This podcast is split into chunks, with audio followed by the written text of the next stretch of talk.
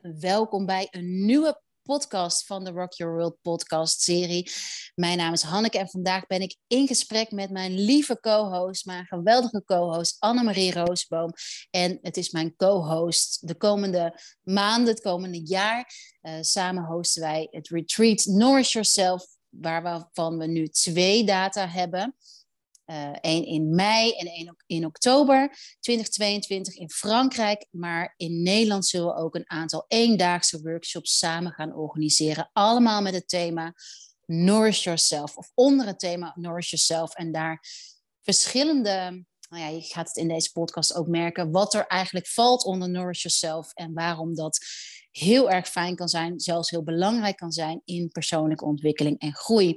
Vandaag bespreken wij een heel actueel thema, een thema wat ons beiden ook heel erg raakt. Dus um, ik vind het ook heel spannend. Ik denk dat dit de spannendste podcast wordt die ik ooit heb opgenomen. En het, um, waarom we deze opnemen is vanwege alle commotie na commotie, vanwege alles wat er nu aan de oppervlakte is gekomen door onder andere The Voice. Um, ik kreeg een appje van Annemarie vorige week, denk ik, of begin deze week van... Uh, we hadden al een podcastopname gepland voor februari, maar ze appte, hey, ik voel dat we eerder een podcast mogen opnemen over dit belangrijke thema. En uh, ja, dit thema speelt voor mij ook zo ontzettend, juist ook deze week, uh, waarin er, zoals ook, het, het, het gekke vind ik dat ik toen, toen ik de aflevering Boos, ik heb hem niet helemaal gekeken, van uh, Tim Hofman, stond ook in het begin van, pas op, deze kan triggeren. En ik, toen ik dat las, was ik helemaal niet bewust van wat het nou precies bij mij zou kunnen triggeren. En het is echt zo bizar, want daarna is er dus van alles naar boven gekomen. Um, dus dat wil ik ook echt bespreken met Annemarie. Van hoe kan het toch zo, eigenlijk ver iets wat bij jou is gebeurd, zo ver van je afkomen te staan dat je in eerste instantie ergens niet in herkent of niet in. Nou ja, dat je wel rationeel denkt van, oh ja, ik heb ook dingen meegemaakt, maar niet beseft wat dat met je doet. Oké, een hele lange intro. Deze, uh, de titel van deze podcast is Nourish Yourself. Hoe kan je hele van seksueel overschrijdend gedrag. En waarom wil je dat? Want dat is een hele belangrijke waarom wil je dat? Lieve Annemarie, het woord is uh, aan jou voor een introductie. Dank je, dank je Han. Ontzettend uh, mooi hoe je gelijk uh, ja, heel kwetsbaar in de intro eh, jouw eigen reactie op het verhaal neerzet. En um, ja, bij mij is er wel iets vergelijkbaars gebeurd. En ja, ik zou mezelf eerst even introduceren voor degene die mij niet kent. Ik ben Annemarie Roosboom. Ik ben, uh, samen met Hanneke organiseer ik een retreat en daarnaast nog andere retreats in mijn mooie uh, retraiteplek in de Bourgogne, Domaine Le Reprie, die ik samen met mijn man um, uh, ja, manage en waar we de eigenaar van zijn.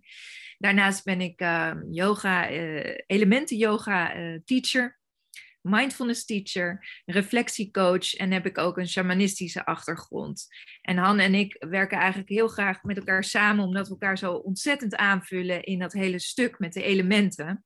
En het ook het self-care daarin. Dus we bouwen echt letterlijk de bouwstenen van de natuur, de bouwstenen ook van jou, zijn de elementen. En per element kun je kijken naar wat er nodig is aan self-care en aan heling.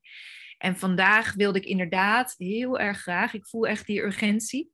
Um, vanuit mijn coach uh, perspectief, maar ook vanuit mijn persoonlijk perspectief. Ik heb helaas ook wel wat slechtere ervaringen, uh, die ook nu weer bovenkwamen. Willen wij heel graag uh, ja, die urgentie ook kenbaar maken en een, nog meer een podium geven aan dit onderwerp, aan dit thema, wat zoveel vrouwen, maar ook mannen raakt.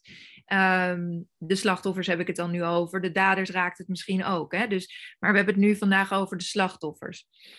Dus vandaar dat we ja, deze, de, dit thema graag vandaag wilde, uh, naar voren wilden brengen. Ja, ja je raakt al, uh, raakt al een aantal dingen. En wat ik ook heel belangrijk vind, is dat stukje de conversatie.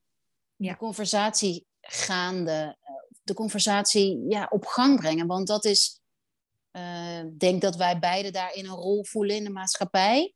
Dat is iets wat we ook, we hebben al één editie van Nourish Yourself gehad. En als je ook kijkt nu hoe die vrouwen contact met elkaar houden en uh, hoe fijn het ter plekke was dat ze zich gingen herkennen in elkaar, omdat heel veel problematiek denken wij dat we alleen moeten dragen.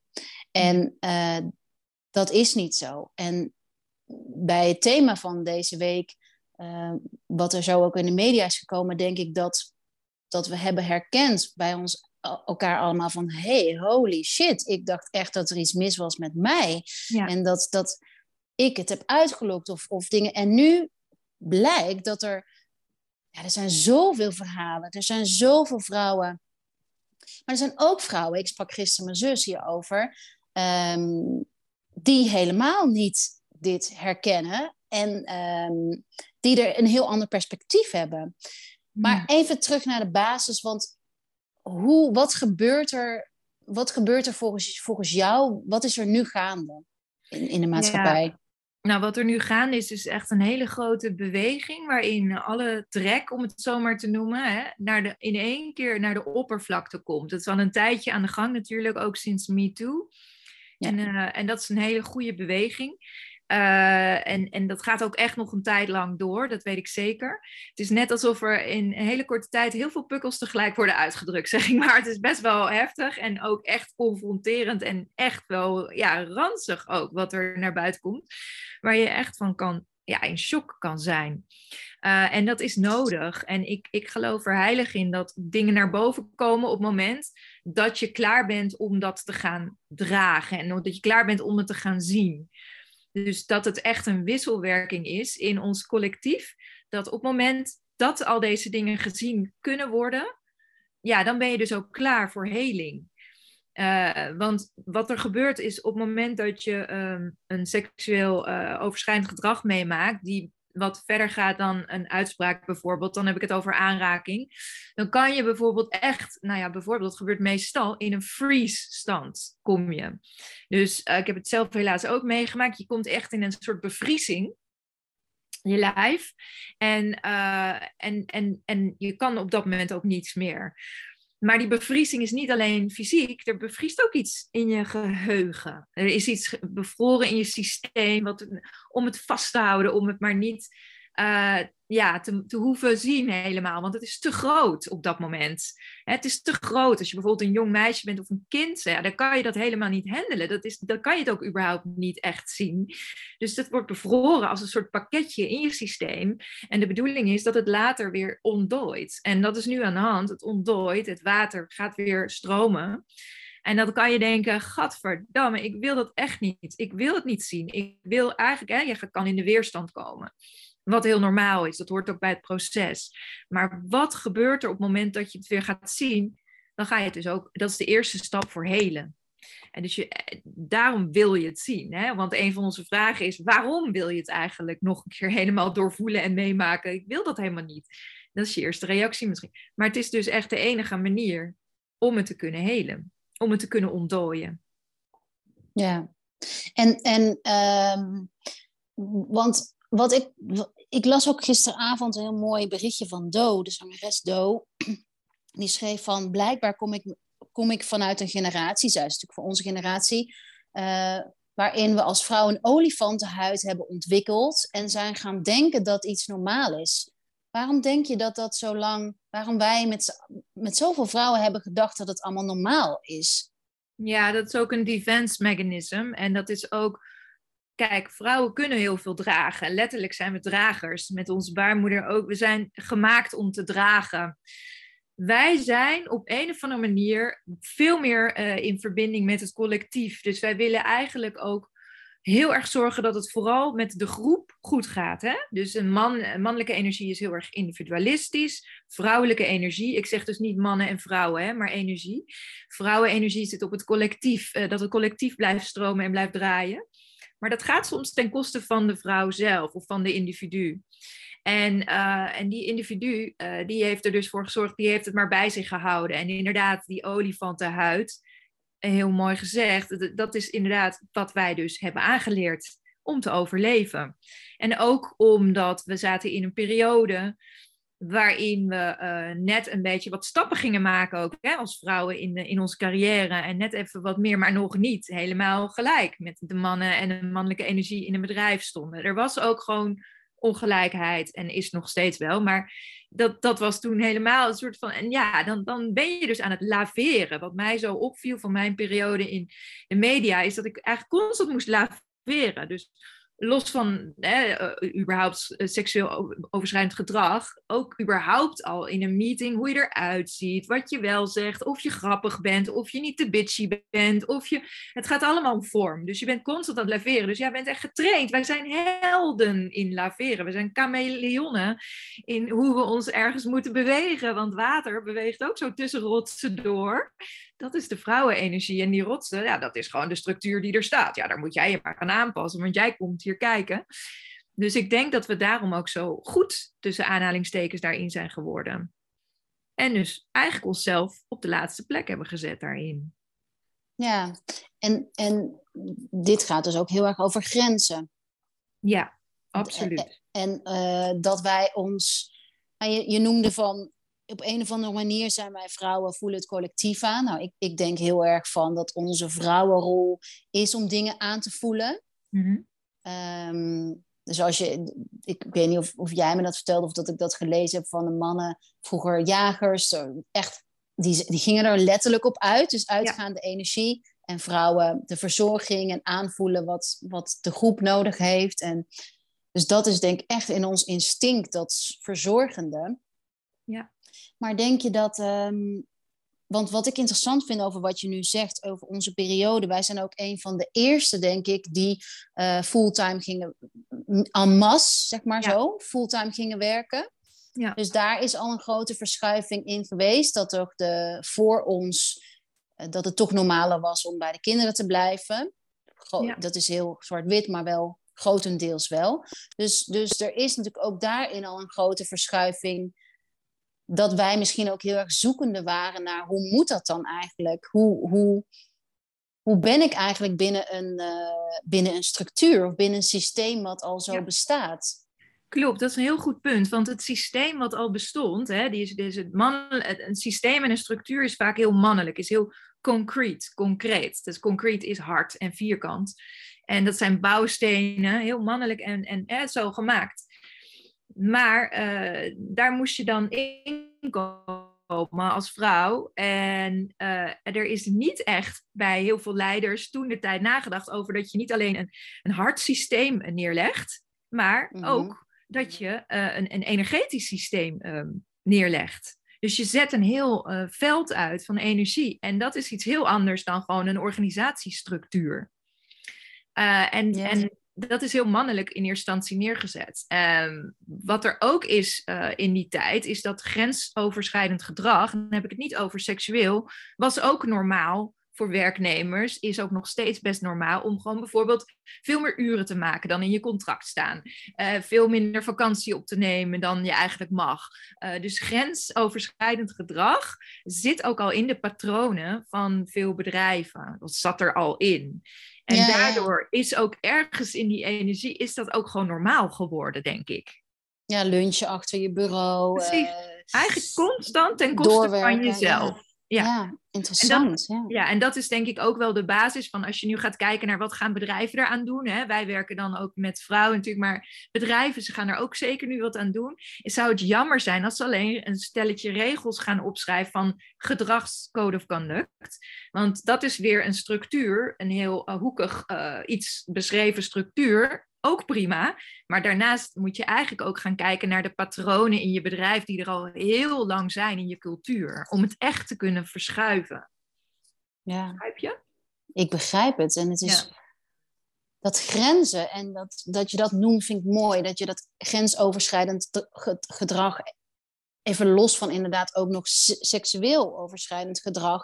En dat die twee ook heel erg in hand in hand gaan. Want ik weet van mezelf, ja. um, nou ja, bij mij zijn er ontelbaar veel dingen ook gebeurd, helaas. Ja. Um, maar dat was ook omdat ik ja, eigenlijk helemaal niet stevig in mijn schoenen stond. Nou, nou, nou, nou ja. uh, ondermijn ik misschien mezelf, maar wel. Ik heb het idee dat ik ja, ergens bevestiging zocht. Of ehm, ja, het is een heel, volgens mij, misschien herkennen meer vrouwen dat zo'n zo'n visueuze cirkel waar je dat op dat moment helemaal niet naar van bewust bent, maar waarin ik nu terugkijk van, oh, ik had een bepaald patroon wat ik bleef voeden. Ja. Kan, je, kan je daar iets over zeggen? Ja, ik denk dat heel veel vrouwen zich daarin herkennen. En ehm, ik ook wel. Ik was, ik was niet. Ehm, ja, dit stukje heel even daarop. Ik denk dat dat zeker is, is, uh, ja, een patroon is bij vrouwen ook. En om even duidelijk te stellen. De dader is altijd verantwoordelijk. Hè? Dus daar, komt helemaal, daar is geen spel tussen te krijgen. De dader is altijd verantwoordelijk. Hij maakt die beweging naar jou toe. Met woorden, met zijn handen, met hoe dan ook. Maar de vrouwen zijn op dit moment aan het helen in, uh, ja, eigenlijk noem ik dat het onderbuikstuk, waar, waar, waar gewoon heel veel um, ja, pijn is, heel veel leed, al decennia lang. Gewoon vrouwen die eigenlijk letterlijk, uh, ja, waar over hun grenzen wordt gegaan. Uh, waar litteken zit. En dat, dat voelen wij nog steeds, dat litteken. Dat is gewoon nog steeds aan, het, aan, het, aan de oppervlakte. Ehm, dus als jij uh, als jonge vrouw uh, ben je daar nog niet bewust van. En dan ga je ook uh, daar ook weer omheen laveren. En denken dus dat het oké is om maar te kunnen blijven functioneren. Dus je gaat eigenlijk, je, je gaat ervan uit dat de andere, de andere man, de man in dit geval, gelijk heeft eerder dan dat je bewust bent van dat jij misschien te gevoelig of te kwetsbaar bent op zo'n moment. Dat is, je gaat ervan uit dat die man uh, ja, de, de lead heeft en het wel weet. Weet je wel? Dus, dus ik kan me voorstellen als je, ik ben zelf ook slachtoffer geweest, dat je echt aan jezelf twijfelt op zo'n moment. Van hè, wacht, maar iemand die zo sterk in zijn schoenen staat en zoveel zelfvertrouwen altijd aan mij geeft, ja, die, die zal het wel weten, meer dan ik, weet je wel. En dat is natuurlijk wat er gebeurt bij veel vrouwen. En bij mij persoonlijk was het ook een stuk naïviteit. Ik had mijn eerste baas, was, uh, ik was toen begin twintig, was een hele, ja, echt een dominante man. Hij was op dat moment al tegen de 50. Ik had helemaal nooit überhaupt aan gedacht dat hij mij aantrekkelijk zou vinden, op wat voor manier dan ook. Dat, dat er überhaupt nagedacht werd over een soort intieme relatie tussen hem, die oudere man, en mij, nog net geen kind meer, net van de studie. En, uh, en hij maakte wel eens wat gekke opmerkingen. En daar ging hij al te ver in, weet je wel. Dat hij echt zo over mijn schouder kwam kijken naar presentaties en net even te veel aanraakte. En en ik had, maar dan nog had ik echt helemaal geen uh, bewustwording bij het feit dat dat misschien al niet kon. Pas op het moment dat hij echt veel te ver ging, toen pas schrok ik me helemaal kapot. En dat gebeurde op het moment dat hij me meenam naar een beurs in Duitsland met nog twee mannelijke collega's. Ik begreep al niet helemaal waarom ik mee moest naar een inkoopbeurs, want ik deed helemaal geen inkoop. Maar hij zei: Ja, dan kan ik je alles laten zien van het vak. Nou ja, dus ik mee en ik voelde me eigenlijk vereerd dat ik mee mocht. Ik voelde een beetje apart, maar ik mocht mee. Nou, tof. En twee dagen, twee nachten in het hotel. Nou, we gingen s'avonds drinken in de bar. Vier uh, collega's met elkaar. Dus ik voelde me ook prima, want die twee andere mannen, dat waren een soort vrienden van me geworden, ook op uh, het werk, waren net iets ouder dan ik. Maar op een gegeven moment stuurde hij ze echt naar, uh, naar hun kamer. Gewoon echt, jullie gaan nu weg en ik blijf hier met Anne. En ik was dus alleen met hem in die bar. Er was nog wel een barman. En hij heeft ze echt weggestuurd. En ik zag die, die twee mannen of jongens, mannen kijken naar van, oh oké. En die vonden het al een beetje lastig, maar ze zeiden verder niks. Het was hun baas ook, dus die werden ook een beetje soort van gedirigeerd. Echt gewoon, met, uh, echt gewoon de deur geweest. Ze hadden hun drankje nog niet eens op. En dat vond ik al een beetje gek. En toen, uh, nou, nog een drankje. En uh, ik zeg, nee, ik hoef niet meer. Ik wil wel slapen zo. Morgen weer een drukke dag. Ja, is goed. En toen ging hij mee de lift in. Nou, toen heeft hij van alles geprobeerd in de lift en dat was doodeng. En uh, ja, dat is echt wel, als ik daar nog aan terugdenk, dan uh, ben ik er weer, bevries ik weer bijna, zeg maar. En toen heb ik hem echt letterlijk de, de lift uit moeten duwen. Gewoon die hele grote man, die twee keer zo zwaar was als ik en twee keer zo lang.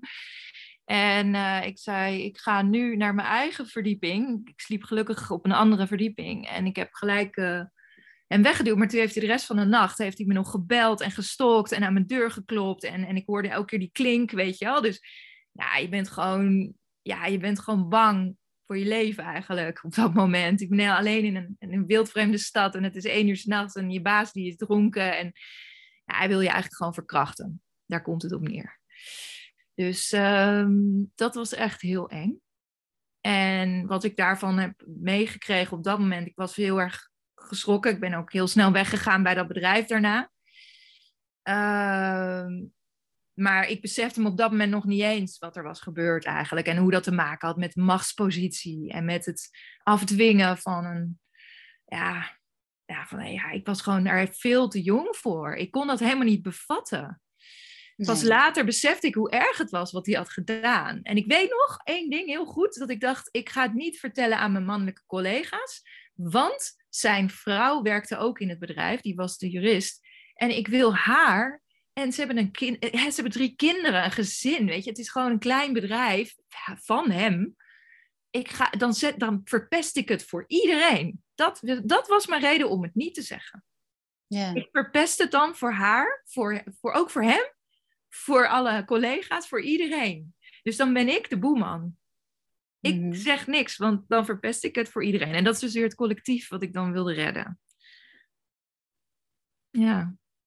En, en want wat, ehm, ik denk dat veel vrouwen, of ik, ik denk dat er meer, ja, dat er, wat ik de afgelopen uh, tijd heb gemerkt, de afgelopen week heb gemerkt, dat er zoveel van dit, deze verhalen zijn, dat je hier niet de enige bent.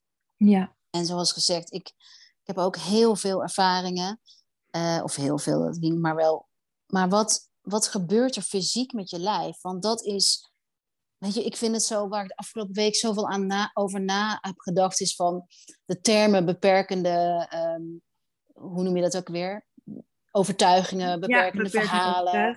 Uh, weet je, dat zijn allemaal zulke money mindset. Ze zijn allemaal, hebben we heel erg ook naar een vorm gezocht uh, om, ons, om, om te helen. Dat vind ik zo interessant. En ik, op het stukje geld kom ik zo terug. Maar uh, daar heb ik heel veel over nagedacht van hoe bizar het is dat we vormen hebben gezocht voor onszelf om, het, niet, om het via een zijweg te helen. Want zo groot is het eigenlijk. kan je dat uitleggen? Ja, ja via, wat bedoel je precies met via een zijweg te helen? Nou, we hebben het nooit. Ik heb het voor mezelf nooit over seksueel overschrijdend. Ik, ben al, uh, ik ben al heel veel jaren met mezelf aan de slag, waarvan ja. de afgelopen zeven jaar, nou, we, je weet dat ik toen vanaf dat ik in Bali zat, ja. Uh, pas eigenlijk echt. En nu deze week kom ik er pas achter, ben ik er waarschijnlijk sterk genoeg voor, zoals jij het zei. Heling komt op het moment dat je er wat aan kan. Ja. ik, ik voel alsof, alsof eigenlijk al mijn jaren hiervoor zijn voor dit moment geweest. Om dit te kunnen dragen van wat nu bij mij naar boven allemaal komt. Ja, dit is echt de primaire kern van jouw uh, pijn en je trauma. Dus ja. inderdaad, nu begrijp ik ook inderdaad je vraag. Het is heel erg. Uh, en dat is ook precies goed geweest. Weet je, dat je allemaal lagen eerst bent gaan helen.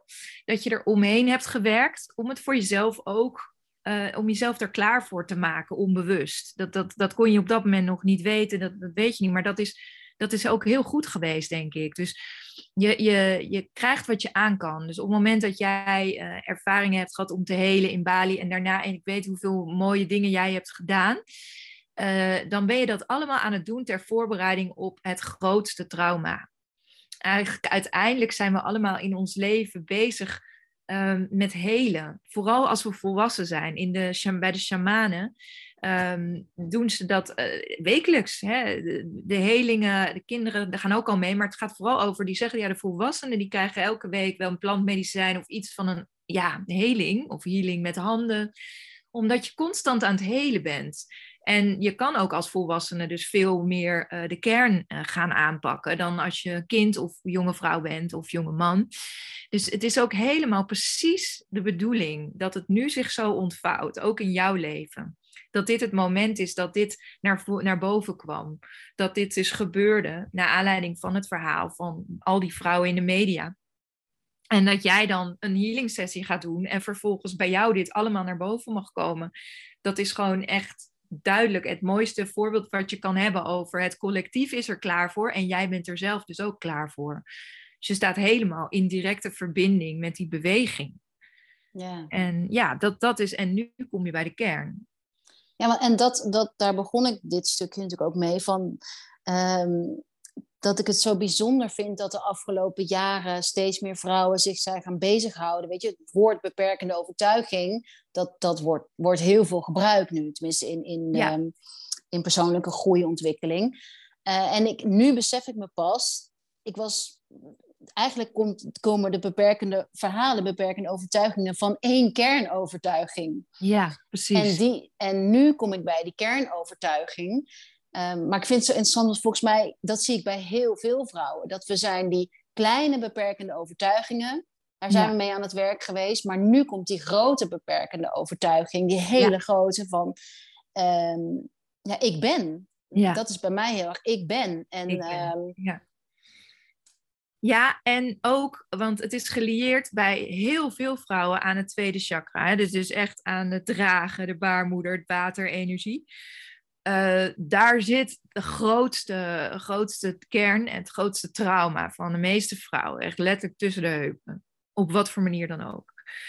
En daaronder is dus het eerste chakra ik ben. Dus uiteindelijk kan je weer helemaal gaan staan op het moment dat je dat dus gaat helen. En dan kom je weer op het volgende, namelijk wat jij je afvroeg, waarom je in een patroon bleef zitten als vrouw, waarom het elke keer weer gebeurde en waarom je elke keer weer dacht dat het oké was of ging laveren. Uh, op het moment dat je dus die, dat eerste en dat tweede chakra helemaal kan, kan helen, met name tweede hebben we het nu over, dan is dat ook, uh, dan, dan ben je dus ook weer helemaal in die balans gezet door jezelf. En dan ben je energetisch ook, dan maakt het eigenlijk niet meer uit of je een, nou dat is heel gechargeerd hè, dit, maar of je dan een decolleté van hier tot, tot je tenen draagt. Het, als jij helemaal staat weer, helemaal recht staat en dat stuk in jezelf, dat slachtofferstuk hebt geheeld, dan kun je eigenlijk ook weer veel krachtiger naar buiten treden en gaan staan zonder dat je in strijd hoeft te gaan. Of dan ben je eigenlijk al je grenzen. Dan hoef je het niet eens te zeggen. Nee, precies. En, nogmaals, hè, even heel duidelijk, dan nog is een dader altijd verantwoordelijk. Maar ik wil alleen maar zeggen dat uh, sowieso jonge vrouwen kwetsbaar, kwetsbaarder zijn omdat ze daar nog niet naartoe zijn kunnen hebben kunnen gaan. Hè? Zoals jij en ik. Dat komt pas later. En op het moment dat je dus nu in je leven staat, dan kun je dus veel meer gaan, weer gaan voelen van, oh, wacht even, die man heeft iets predator-achtigs. Daar moet ik echt even heel duidelijk in zijn. En dit is gewoon echt mijn grens. Ik sta hier. En ik ben gelijk aan jou. Ik ben gelijk en ik ben niet onderdanig. En ook al ben je mijn baas, dan ben ik nog een gelijke aan jou als mens. En dat is denk ik heel belangrijk. Als je dat helemaal kan voelen. En dan heb ik het weer over voelen, want het is gewoon allemaal voelen. Op het moment dat je dus die freeze in je lijf hebt kunnen ontdooien. En je mag daar helemaal naar kijken en je mag dat helemaal ja, laten, een plek gaan geven dan ben je dus weer terug bij jouw energie, je sterke kracht, namelijk voelen. Dan mag je weer alles voelen. Dan is er, zijn er geen stukken meer die je niet meer kan voelen of niet meer kunt aanraken. Letterlijk ook, hè, aanraken. Ehm, dan kan je weer je seksuele energie voelen, maar je, eigenlijk je life force is dat. Maar dan ben je dus ook weer veel intuïtiever. Want dan kun je ook weer anderen beter voelen. Dan kun je ook coach worden. Dan kun je ook, weet je, dan, dan ben je in staat om helemaal te voelen, om alles te voelen.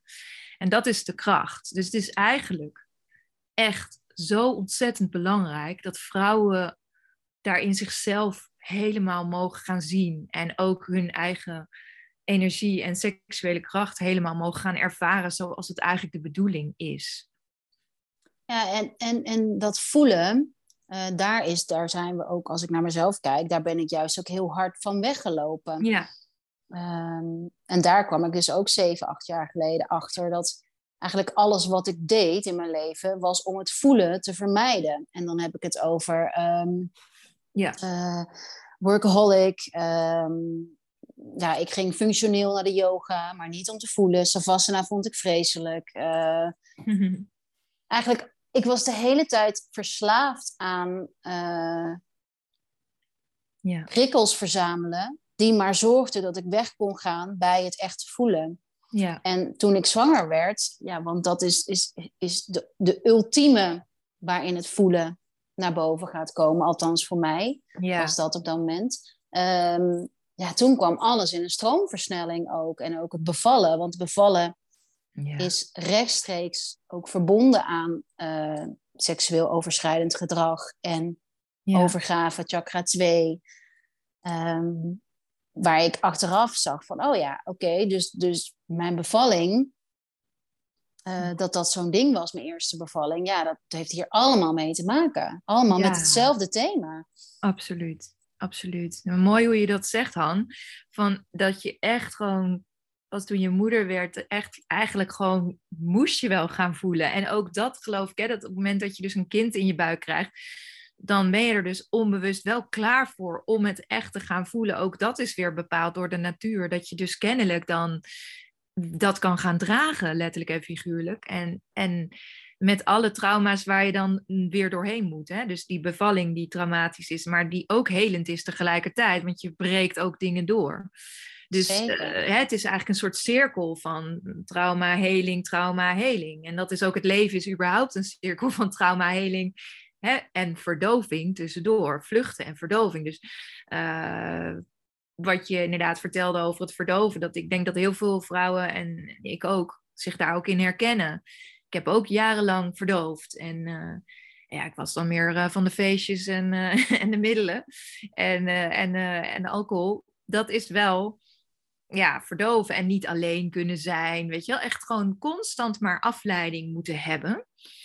Uh, om niet naar de pijn te gaan. En um, dat is gewoon wat de meeste mensen doen. En dat is ook heel menselijk. En dat hoort ook als onderdeel van het proces, denk ik zelfs. Ik vind het ook helemaal niet iets waar ik in ieder geval bij mezelf niet op terugkijk als iets waar ik uh, spijt van heb, of wat ik, wat ik slecht vind, of waar ik een oordeel op heb, niet meer in ieder geval. Maar ik zie het nu als iets wat ik echt nodig heb gehad als een onderdeel om vervolgens weer de volgende stap te gaan zetten naar het ja. hele van het trauma. En ja, ik denk dat jij net het heel mooi verwoordt, dat moeder worden ook echt de eerste grote stap is om het tweede, om dat deel helemaal te gaan voelen, letterlijk weer. Echt, je moet wel gaan voelen.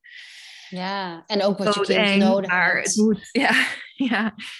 Ja, ja en, en ook fysiek, want um, daar ben ik dan vanuit Ayurveda en ik denk jij ook vanuit elementenleer en shamanisme ja. ook heel erg mee bezig, dat ook het uh, stukje wat zich in, zich, in, in je lijf manifesteert, manifesteert uh, op het moment dat um, je tweede chakra uit balans is, je eerste chakra uit balans is. Ja. Uh, bij mij was het ook heel fysiek zichtbaar, omdat ik last had van mijn bekken. In, uh, al in een heel vroeg stadium van mijn zwangerschap. En um, in Ayurveda zeggen ze dat, dat, de dat, dat wanneer je iets klachten hebt in je zwangerschap, is dat een manifestatie van iets wat al langer in jouw lichaam speelt, ja. maar dan naar boven komt, omdat uh, ja, er komt natuurlijk van alles bovenop. Je hormonen veranderen, ja. uh, je, je, bent een kind aan het bouwen, dus dat wat er niet is, ja. wordt uitvergroot. En bij mij, bekken, nou, dat kan jij misschien mooier vertellen, uh, maar bekken staat heel erg voor stabiliteit. Voor, ja. Het is een kommetje, het is het dragen. Ja, het is het uh, dragen. Ja, mooi.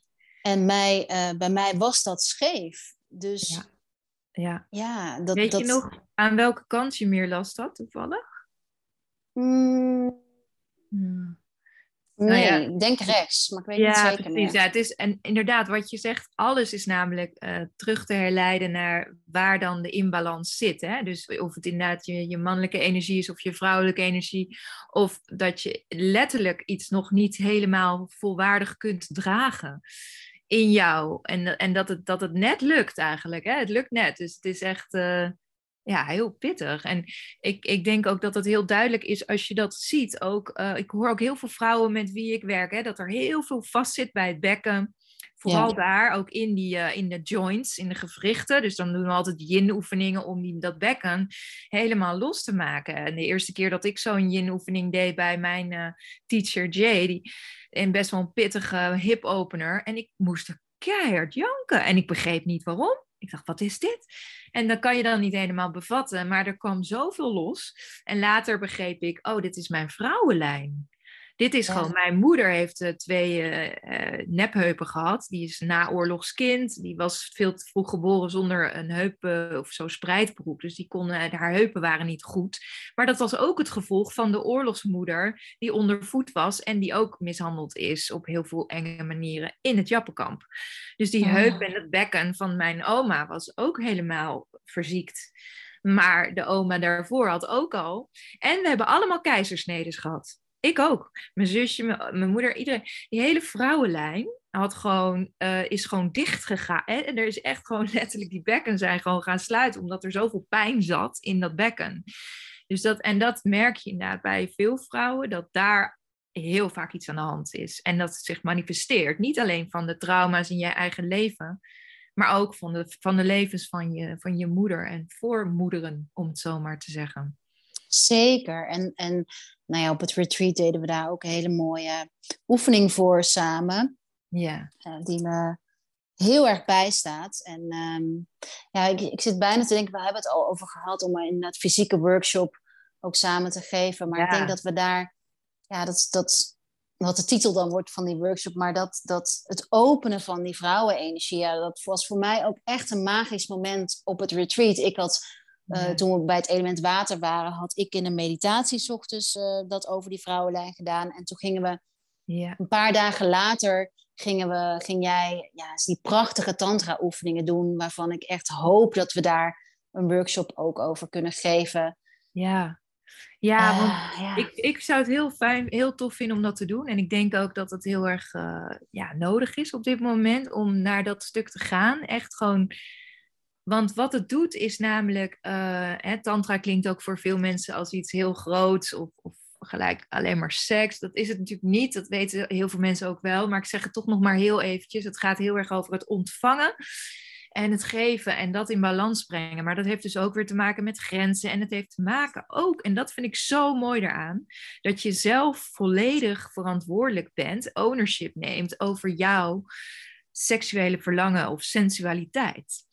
Dus dat het niet meer bij de ander ligt. En, uh, en dat heelt. Dus op het moment dat je zelf leert, en dat kan je met een aantal oefeningen doen, hoe je, uh, ja, hoe je dat, dat gedeelte van je lijf kunt voelen en dus ook kunt weten wat het nodig heeft en wat niet. En wat jij daarin zelf kunt betekenen. En dat kan ook dans zijn of het kan uh, gewoon een, een, hele fijne ademhalingsoefening zijn. Dat, dat, hoeft helemaal niet eens met een partner te zijn. Het gaat heel erg over hoe je dat zelf kunt helen en jouw eigen kracht uh, daarin weer kan, kan gaan voeden. Nou, dat is de reden ook waarom ik de journal... Ja, zeker. Dat is de reden dat ik de journal heb geschreven. Ja. Uh, want het schrijven en het onderzoeken daarin... Uh, in relatie ook tot die vrouwelijke cyclus... Is, heeft alles te maken met verantwoordelijkheid nemen over jezelf. En dat kan je pas als je jezelf kent. Dus als je um, leert van... Oké, okay, um, ehm, ja, hoe moet ik het omschrijven? Dat je, dat, je, dat je bewust wordt van wat je doet, van wat je handelingen zijn. En misschien heb je dat in het begin op dagelijkse basis nodig dat je bewust gaat worden. Op dagelijkse basis gaat schrijven over... ik zit op dag vijf van mijn cyclus en ik heb meer energie. Maar überhaupt dat je gaat begrijpen, want dat is voor mij ook verantwoordelijkheid... dat je een lichaam hebt en dat jouw lichaam uh, signalen geeft. En dat je dat je ermee kan communiceren. En ja. dat is ook echt mijn, een van mijn grootste missies van de journal. Van get to know yourself. Ja, ja, dat is echt heel tof. En dat, ik merk het ook, ik, ik ben ook bezig in de journal. En ook al ben ik al dan een soort van al wat meer ontwikkeld op dat gebied. Hè, dat, dat ik toch ook nu weer nieuwe dingen ervaar in mezelf. Doordat ik er meer met baby steps en weer ingezoomd naar ga kijken. Dagelijkse basis en gelieerd aan dus die maancyclus. En die maandcyclus, nou ja, dat, dat, is zo duidelijk ook weer nu door, ook door de journal onder andere. Maar dat je dus merkt, oh ja, zo zit ik in mijn verlangens. En zo zit ik in mijn, hè, dat ik me even terug wil trekken. En zo zit ik in dat ik juist verbinding wil maken met een ander persoon. Het is zo mooi om de signalen in je lijf steeds subtieler uh, te leren kennen. En wat ik heel mooi vind en ook belangrijk vind om te benoemen, is dat als we met vrouwen werken in zo'n groep en ook met, met tantra-oefeningen, et cetera, is voor de een is dus echt baby steps heel belangrijk. Dus gewoon alleen maar, oh, leg je handen maar eens gewoon op je buik en ga maar voelen of ga maar lekker ademen. Wat gebeurt er? Kan je iets voelen? Hè? En et cetera. Mag het er zijn? Hè? Wat komt erop? En bij de ander is het bijvoorbeeld, ik had laatst een vrouw die al lange tijd helemaal geen jurken meer had aangedaan.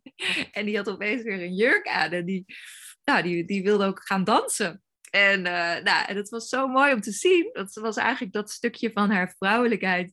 En nou moet ik zeggen erbij dat uh, een jurk niet voor iedereen voor vrouwelijkheid staat. Hè? Dus het kan ook voor iemand anders een spijkerbroek zijn.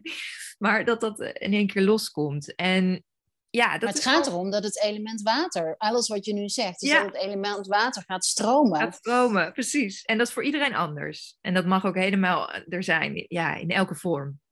Want nog even terug naar het seksueel overschrijdend gedrag. Op het moment dat er dus zoiets gebeurt, dan bevriest je water vaak. Ja. Toch? Ja, dus het is echt element water. En, en, en water en ijs, hè, dus je bevriest letterlijk een stukje in jouw systeem, uh, in je lijf. En voor veel vrouwen die dit horen, is het denk ik heel herkenbaar als we dit benoemen. Maar je bevriest ook iets in je herinnering. Dus je, je herinnering gaat echt op slot. Je kan het niet meer zien. Het is te groot en je bevriest het. En dus het, het is heel belangrijk dat het element water weer gaat stromen. Ja. En ik zei ook al iets over money mindset. En, en vrouwen denken misschien van wat, waarom komt ze daarmee? Waarom heeft ze dat nou benoemd? Maar dat is ehm, heel vaak ook in het stromen. Uh, geld is natuurlijk een vorm van energie. En ontvangen en je waardevol voelen. En wat ik in mijn eigen leven merk, en ook bij veel vrouwen om me heen, is dat door in de freeze te raken, ook dat stukje van ontvangen en we hebben het hier over, het kan over geld gaan, maar ook over liefde, ook over een kind of over een idee. Dat er zoveel verschillende facetten zijn om iets te ontvangen en dat je dat zo zelf op slot kan zetten. Dat vind ik zo fascinerend. Ja, mooi. Ja, ik was inderdaad ook al benieuwd waar je overheen ging met de money make. Maar ik begrijp hem nu. nee, maar dat is inderdaad waar. Dus eigenlijk alles wat gaat over uh, ontvangen, dat zit ook op dit thema. Dus je, kan, je zet jezelf letterlijk op slot. Je gaat dicht, je wil niet meer ontvangen. Want ontvangen is doodeng geworden. En dat is in elk, elke uh, thema in je leven of element kan dat dus eng worden. Uh, onbewust zet je dat op slot. En wat eigenlijk heel, heel, uh, heel uh, schrijnend is daaraan, is dat vrouwen zijn fysiologisch ontvangers. Wij zijn er om de man te mogen ontvangen naar binnen. En de man is de gever, dus de mannelijke energie is eigenlijk gevend en de vrouwelijke energie is ontvangend. Dus op het moment dat je weer leert hoe je dat mag openzetten, niet alleen beneden, maar overal in jouw hele systeem, dan kun je inderdaad ook weer op andere vlakken gaan ontvangen en kan je ook op werkgebied, op liefdesgebied, op elk gebied weer uh, meer toelaten. Zeker, want, want um, mijn thema ook, wat, wat ik heb ontdekt, waar wat.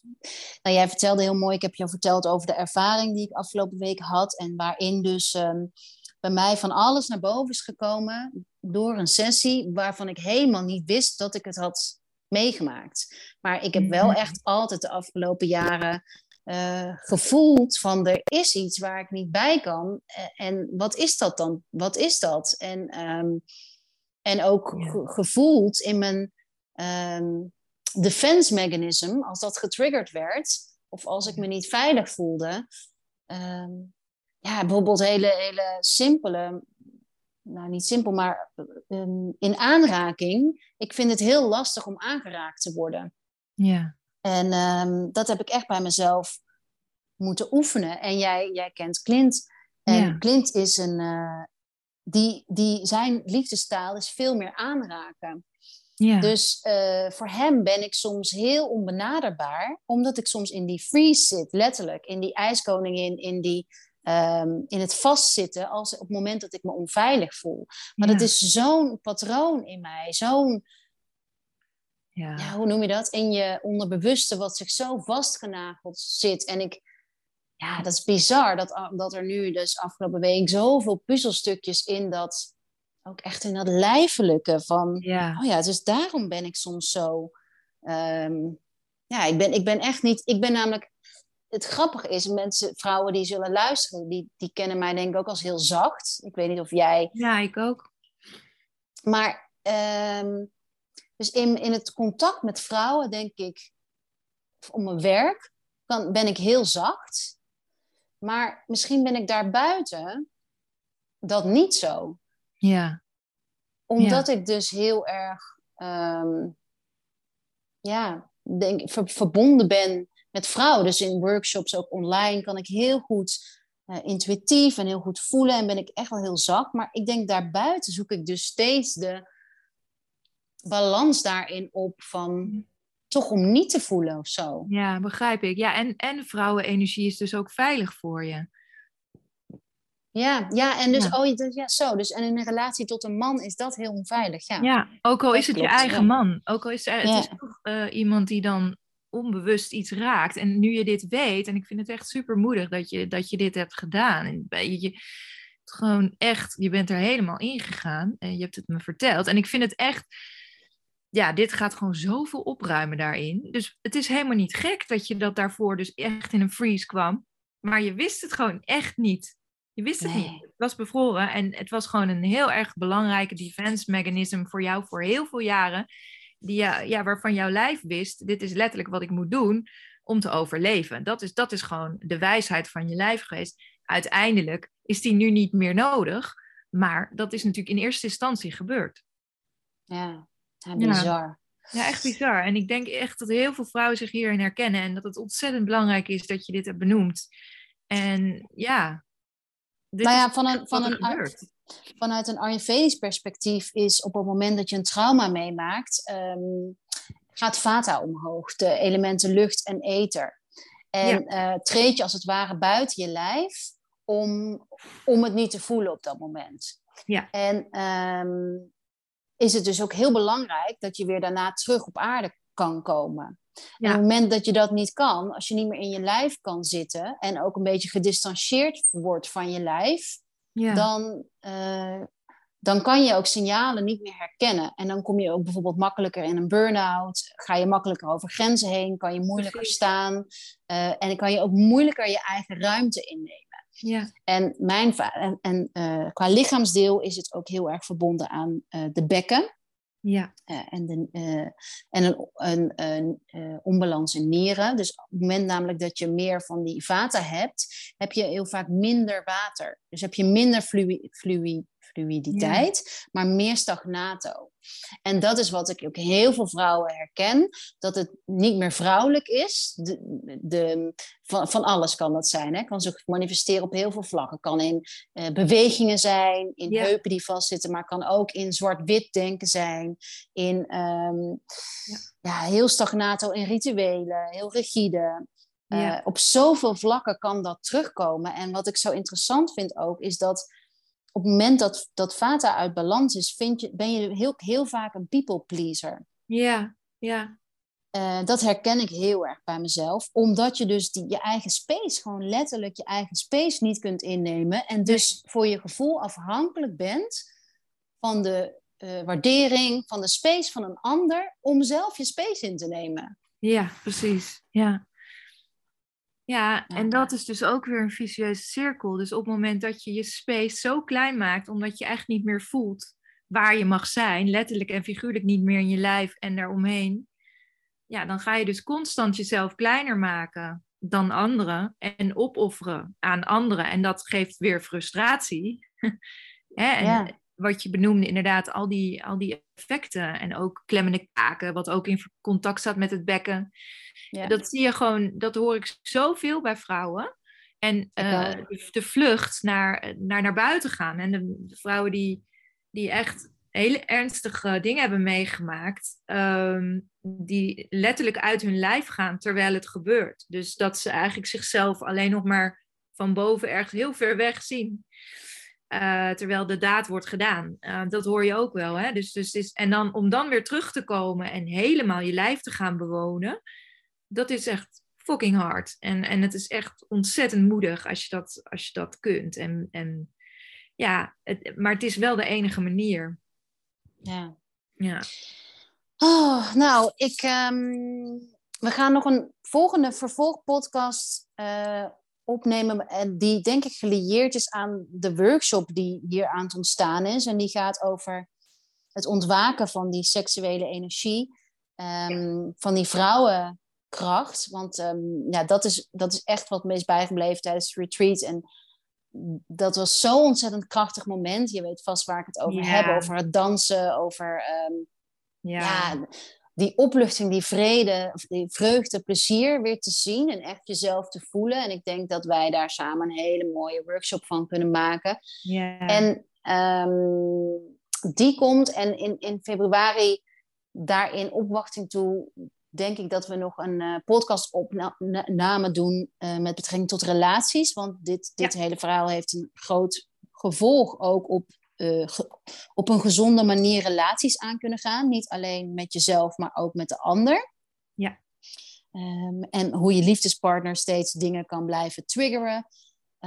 totdat je er klaar voor bent ook om dat stukje aan te kijken. We zijn nog lang niet uitgepraat. Nee, er is zoveel over te zeggen. En ik vind het super mooi dat we dit nu als eerste hebben kunnen neerzetten. En mijn, inderdaad, mijn hart gaat sneller kloppen van alle dingen die we eigenlijk nog zouden willen doen en delen. En daarom is het mooi dat we hier nog een vervolg aan gaan geven.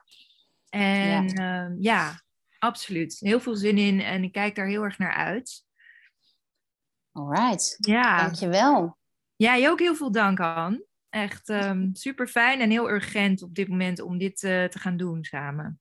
Ja, ik zal de linkjes naar alles uh, hier onder de podcast zetten, naar onze Insta-website. En uh, dan hopelijk, en als vrouwen zich alvast willen aanmelden, op de hoogte gehouden willen worden van de uh, workshop, stuur mij of Annemarie een DM. Uh, jouw Insta, ja. Annemarie, is? is annemarierozenboom.nl met R-O-Z-E-N boom. en bij mij is het makkelijkst um, Rock Your World, denk ik gewoon. Rock Your World, de uh, DM sturen. Dan blijf je op de hoogte van de workshops.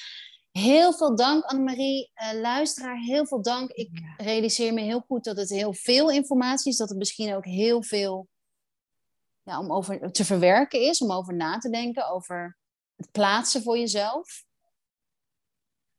Uh, ik hoop ook dat je met vriendinnen erover kunt praten. Dat is ook zo belangrijk volgens mij op dit, op dit moment. Ik heb ook meteen, ik weet niet of jij dat hebt gedaan, ik heb afgelopen week ook mm. echt vriendinnen van twintig jaar geleden ja. van, hey, weet jij nog dit? En hè, wat bizar, hè? En, ja.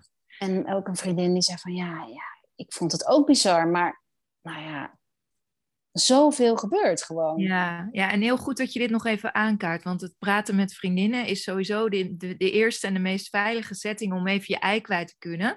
En is ook, uh, is ook al een stuk heling. Dus je hoeft eigenlijk niet gelijk uh, je, degene die iets jou heeft aangedaan of zo aan te spreken. Het kan, maar je kan ook beginnen met überhaupt te gaan praten erover.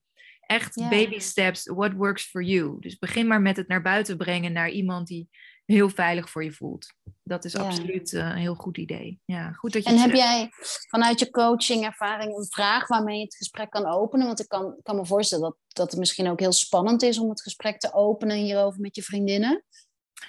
Ja, dat is een goeie. Ja, ja ik zou... Uh, ik zou, ik zou sowieso, uh, als je met een vriendin uh, gaat zitten, liefst persoonlijk, gewoon even aankaarten ik wil heel graag even iets heel persoonlijks van mezelf delen. Um, kan ik uh, erop vertrouwen dat het inderdaad helemaal bij jou en mij mag blijven? Uh, het gaat namelijk over iets wat ik heb meegemaakt, uh, waarbij er over een grens is gegaan bij mij. Um, dat zou ik sowieso eerst even zeggen. Oh, als je dat prettig vindt, om het, dan weet ze ook waar ze aan toe is. En ik zou zeker ook de, ja, niet iedereen heeft hetzelfde meegemaakt. Maar ik zou ook zeker de vraag stellen van herken jij dit soort verhalen, wat, wat ik heb meegemaakt? Herken je jezelf daarin? Of herken je het van anderen? En, en dan gaat het verhaal steeds meer um, ja, stromen, ook dat. Hè? Dus, dus ik merkte ook in onze groep op het retreat dat er, er was zoveel herkenning. Dus dan is er een vrouw die iets vertelt die helemaal niet verwacht dat dat eigenlijk yeah. bij anderen ook speelt. En dan komt dat terug en dan geeft dat zo'n kracht en zoveel herkenning. Ja, en ik denk inderdaad dat de meeste vrouwen op een of andere manier, als ze het zelf niet zijn, ook in een directe omgeving wel ermee te maken hebben gehad. Helaas. Oh, helaas. En, en, en het kan dus ook, nou, net als bij mij, zo ontzettend lang duren dat je dus ja, eigenlijk denkt aan hele andere thema's te werken, maar dan erachter komt dus dat dat dat er nog een veel grotere thema's onder liggen. Ja, en daar hoeft dus echt geen oordeel op te zetten. Hè? Want, want dat het zo lang heeft geduurd bij mij, hè, dat, dat, dat is eigenlijk al een, een licht oordeel van hè, waarom ben ik daar niet eerder op gekomen? Dat hoeft dus niet. Dus ik denk dat dat ook heel belangrijk is voor vrouwen om te weten. Het is precies goed zoals het gebeurt en wanneer het naar boven komt. En dat is helemaal oké. Doe het op jouw ritme. En het komt naar je toe op het moment dat je er klaar voor bent. En dat is precies de bedoeling. Dan kan je het gaan helen. Echt waar. Dat is mooi. Dat is een hele mooie toevoeging aan de, aan de ongeduldige. Dat is heel. Dat is ook echt afgelopen week waar ik echt ook zo'n mantra van. Uh, en waar ik ook een heel mooi sign van kreeg. Van je bent precies, weet je, echt de, de cliché, je bent precies waar je moet zijn. En ja, je denkt op dat moment van, oh, maar ik wil hier niet zijn, want ik wil deze pijn helemaal niet voelen. Ja. En dat, je, dat ik ook, ja. van ja, je bent het al aan het doen. En in mijn hoofd, ik ben heel erg, uh, denk ik ook wel van het praktische van, oh ja, ik wil eigenlijk nu wel uh, toch wel korte metten hiermee maken. Maar ja, je weet ook van, oh, maar ja. voor mij is nu het voelen het belangrijkste en er doorheen gaan. En dat heb ik al, ja, dat vind ik het allerlastigste. Echt voelen, echt voelen. You got to feel to be able to heal. Ja. Dat is de enige manier, ja. ja. Helaas. Nou ja, niet helaas. Het is erg heel goed. Ja, ja. Dus en you're doing it. Sterk. En, ja, ja, ja, het is echt super goed dat je dat, dat inziet en dat ook echt doet. Ja. Oké. Okay. Ja. Dankjewel. Dankjewel ja, voor het luisteren. Heel graag allemaal.